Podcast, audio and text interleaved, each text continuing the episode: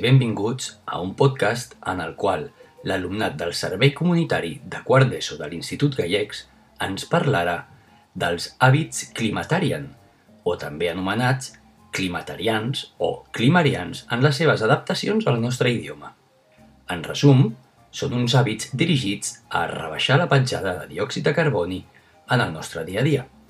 En aquest podcast us parlaran dels hàbits climatarians relacionats amb els aliments, la seva compra, el seu transport, conservació i cuina. Són accions directes i senzilles que es troben a l'abast de tothom i que poden tenir un impacte positiu molt més quantitatiu del que podem arribar a imaginar. Això, a més, seria exportable a altres sectors. Comencem. Avui jo us explicaré per a què serveix comprar a prop de casa. Cal triar on fer aquesta compra. Si el nostre principal objectiu és reduir l'emissió de gasos d'efecte hivernacle, no té cap sentit desplaçar-se amb cotxe per a fer la compra. Un climatarià compra a prop de casa i es desplaça caminant amb bicicleta evitant l'emissió de gasos d'efecte hivernacle. Estaràs aportant altres beneficis a més de reduir la contaminació i contribuir a una millor qualitat en l'aire. Estaràs ajudant al petit comerç local. Jo parlaré sobre els productes de proximitat.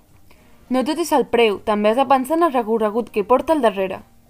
Comprar productes de fora causa 4,212 milions de tones de CO2 a l'any i sovint implica macroplantacions amb un munt de plantes i paisatges danyats. En canvi, si ho compres prop de casa, el recorregut és menor i les emissions de CO2 també. A més, són productes més frescos i quasi sempre en un bon punt de maduració. I tens la confiança amb el teu venedor per saber si porten ús de pesticides, fertilitzants de síntesi, herbicides no com a les produccions en massa, en les que saps que sí que ho porten i a més no coneixes qui és l'encarregat de la seva distribució.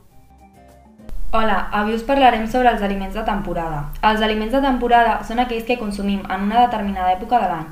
Si mengem aliments de qualsevol origen sense importar l'època de l'any en què estiguem, vol dir que aquests productes provenen de regions llunyanes, el que suposa una despesa d'energia elevada i molta emissió de gasos contaminants.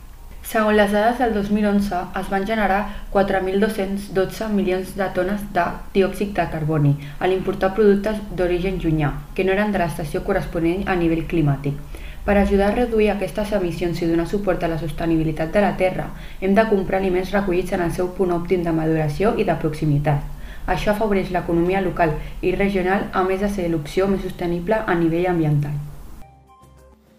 Caram, 4.212 milions de tones anuals, segons un informe del 2011. És a dir, que en realitat aquesta xifra actualment pot ser molt més gran. Uh, I ens heu dit tres mesures fantàstiques per reduir-ho. Comprar aliment de temporada, de proximitat i, a més a més, comprar a prop de casa. Molt bé, nois i noies, però encara tenim més coses, no? Què més ens podeu dir? Hem de consumir més aliments crus perquè establim l'energia en coure, bullir o fregir. Per tant, no emetem el diòxid de carboni associat a la combustió o a la utilització de combustibles fòssils per a generar l'electricitat. La carn té una petjada de CO2 elevada perquè per criar els animals s'encadenen processos que consumeixen energia, la llum, l'aclimatació, la producció, etc. A part, si són aliments de llarga distància, el transport emet molt CO2. Per això és millor consumir els productes de la terra, com són verdura, llegums o fruita, i si pot ser de proximitat, amb això reduïm molt la petjada de carboni i a més aportem més nutrients saludables al cos. La producció ecològica té en compte factors com el clima i el tipus de terra i s'adapta millor al canvi climàtic. L'agricultura orgànica, en pretendre una millora del sol i potenciar la fertilitat, reté molt més carboni que l'agricultura intensiva. La producció ecològica ajuda a lluitar contra el canvi climàtic, ja que no depèn de la importació de molts productes, com fertilitzants, herbicides, pesticides, llavors seleccionades a més de contribuir a la sostenibilitat alimentària i a la biodiversitat dels ecosistemes.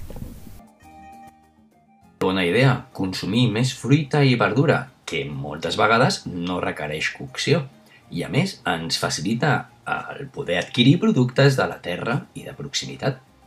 A més ecològica, ens dieu, perquè la gent moltes vegades no pensa en tots aquests productes que requereix l'agricultura intensiva i que consumeixen una gran quantitat d'energia, ja sigui en extracció, en processament o en transport. Però un cop els aliments ja són a casa, podem fer alguna cosa més. Avui us parlarem sobre cuinar més i congelar. Cuinar més quantitat de menjar i congelar és una bona manera d'estalviar energia, ja que s'aprofita millor aquesta i cuines menys vegades. La calor per descongelar i rescalfar és menor, pel fet que cuinar els aliments és un procés més lent que requereix més estona de consum. Alhora, optimitzem l'energia elèctrica que consumim per mantenir la temperatura del congelador i les dues accions combinades contribueixen a reduir la penjada de CO2. Avui jo us explicaré el per què no s'ha de llançar el menjar. Segons l'estudi de la FAO Global Food Losses and Food Waste, cada any 1.300 milions de tones de menjar, un terç del produït al món, es perden o malbaraten. Aquest fet té importants conseqüències a nivell social i ambiental. La que més escandalitza és que mentre això passa, bona part de la població mundial passa gana, però també considerem l'impacte sobre la sobirania alimentària dels països que exporten aliments, part dels quals no arriben mai al consumidor l'efecte sobre els preus globals dels aliments bàsics, el sol agrícola, fertilitzants, aigua, energia, embalatges i altres recursos malbarats en menjar que finalment no és menjat. Les emissions de CO2 del sector agroalimentari a Europa un 20% corresponent a menjar malbaratat o perdut. I ara us explicaré com evitar llançar el menjar. Planificar els àpats, no fallar la llista de la compra el que ja tenim en casa. Comprar granel sempre que es pugui. Ens permet comprar només el que necessitem i reduïm els plàstics i els cartrons dels envasos. Conservar els aliments en condicions. Netejar periòdicament la nevera. Això és important per higiene, per seguretat alimentària i per conservar bé els aliments. Ordenar la nevera ens ajuda a saber el que ja tenim a casa per a la següent compra. Aprofitar les restes d'àpats per menjar de tapes o per a cuinar i o complementar altres plats. Podeu trobar eines, consells i receptes a somgendeprofit.cat. Jo us parlaré sobre els electrodomèstics eficients. L'eficiència energètica dels electrodomèstics s'estableix mitjançant classes o categories. Les classes van identificades per colors i lletres. Aquests electrodomèstics t'ofereixen una resistència i durabilitat molt llarga i tot i que poden semblar cars, amb el pas del temps hi ha un estalvi econòmic important. A més de tot això, són millors pel medi ambient, ja que al consumir molta menys energia es generen menys casos d'efecte hivernacle al llarg de la seva vida útil. Alguns electrodomèstics que porten l'etiqueta són els frigorífics, les rentadores, les secadores i els rentaplats. Temperatura del frigorífic i el congelador. La temperatura ideal de la nevera ha d'estar al voltant de 4 o 5 graus.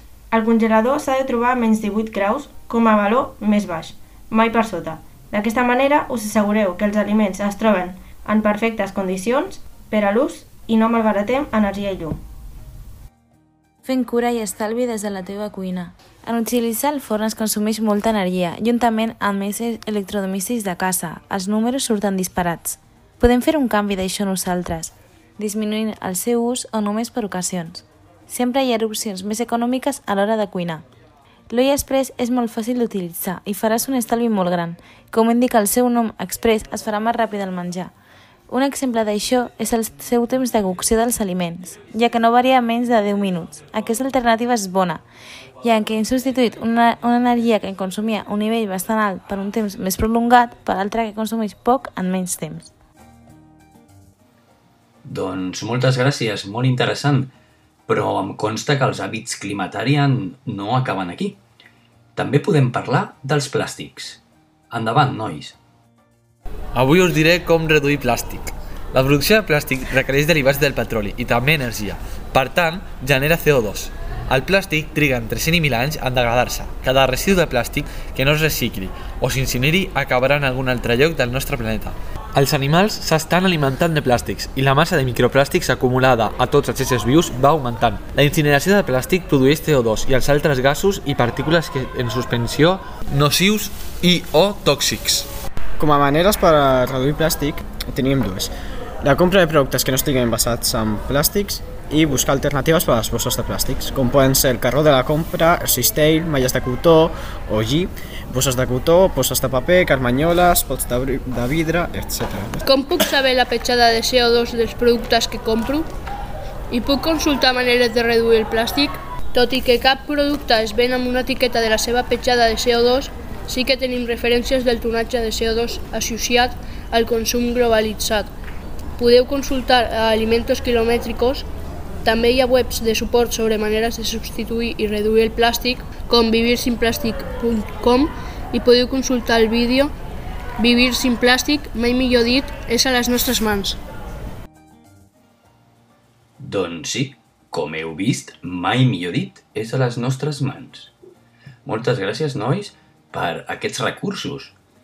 Alimentos quilomètricos, on podreu trobar doncs, la petjada de CO2 segons alguns estudis associades a, a tot això que hem comentat en el podcast, també el vídeo documental eh, Vivir sin plástico, molt interessant, tots els recursos i consells i el procés que mostren de com eh, una parella va intentar substituir el plàstic a les seves compres i també recuperem, que ho hem comentat també en el podcast, un altre recurs molt interessant. Som gent de profit, per aprofitar el menjar, receptes molt interessants també.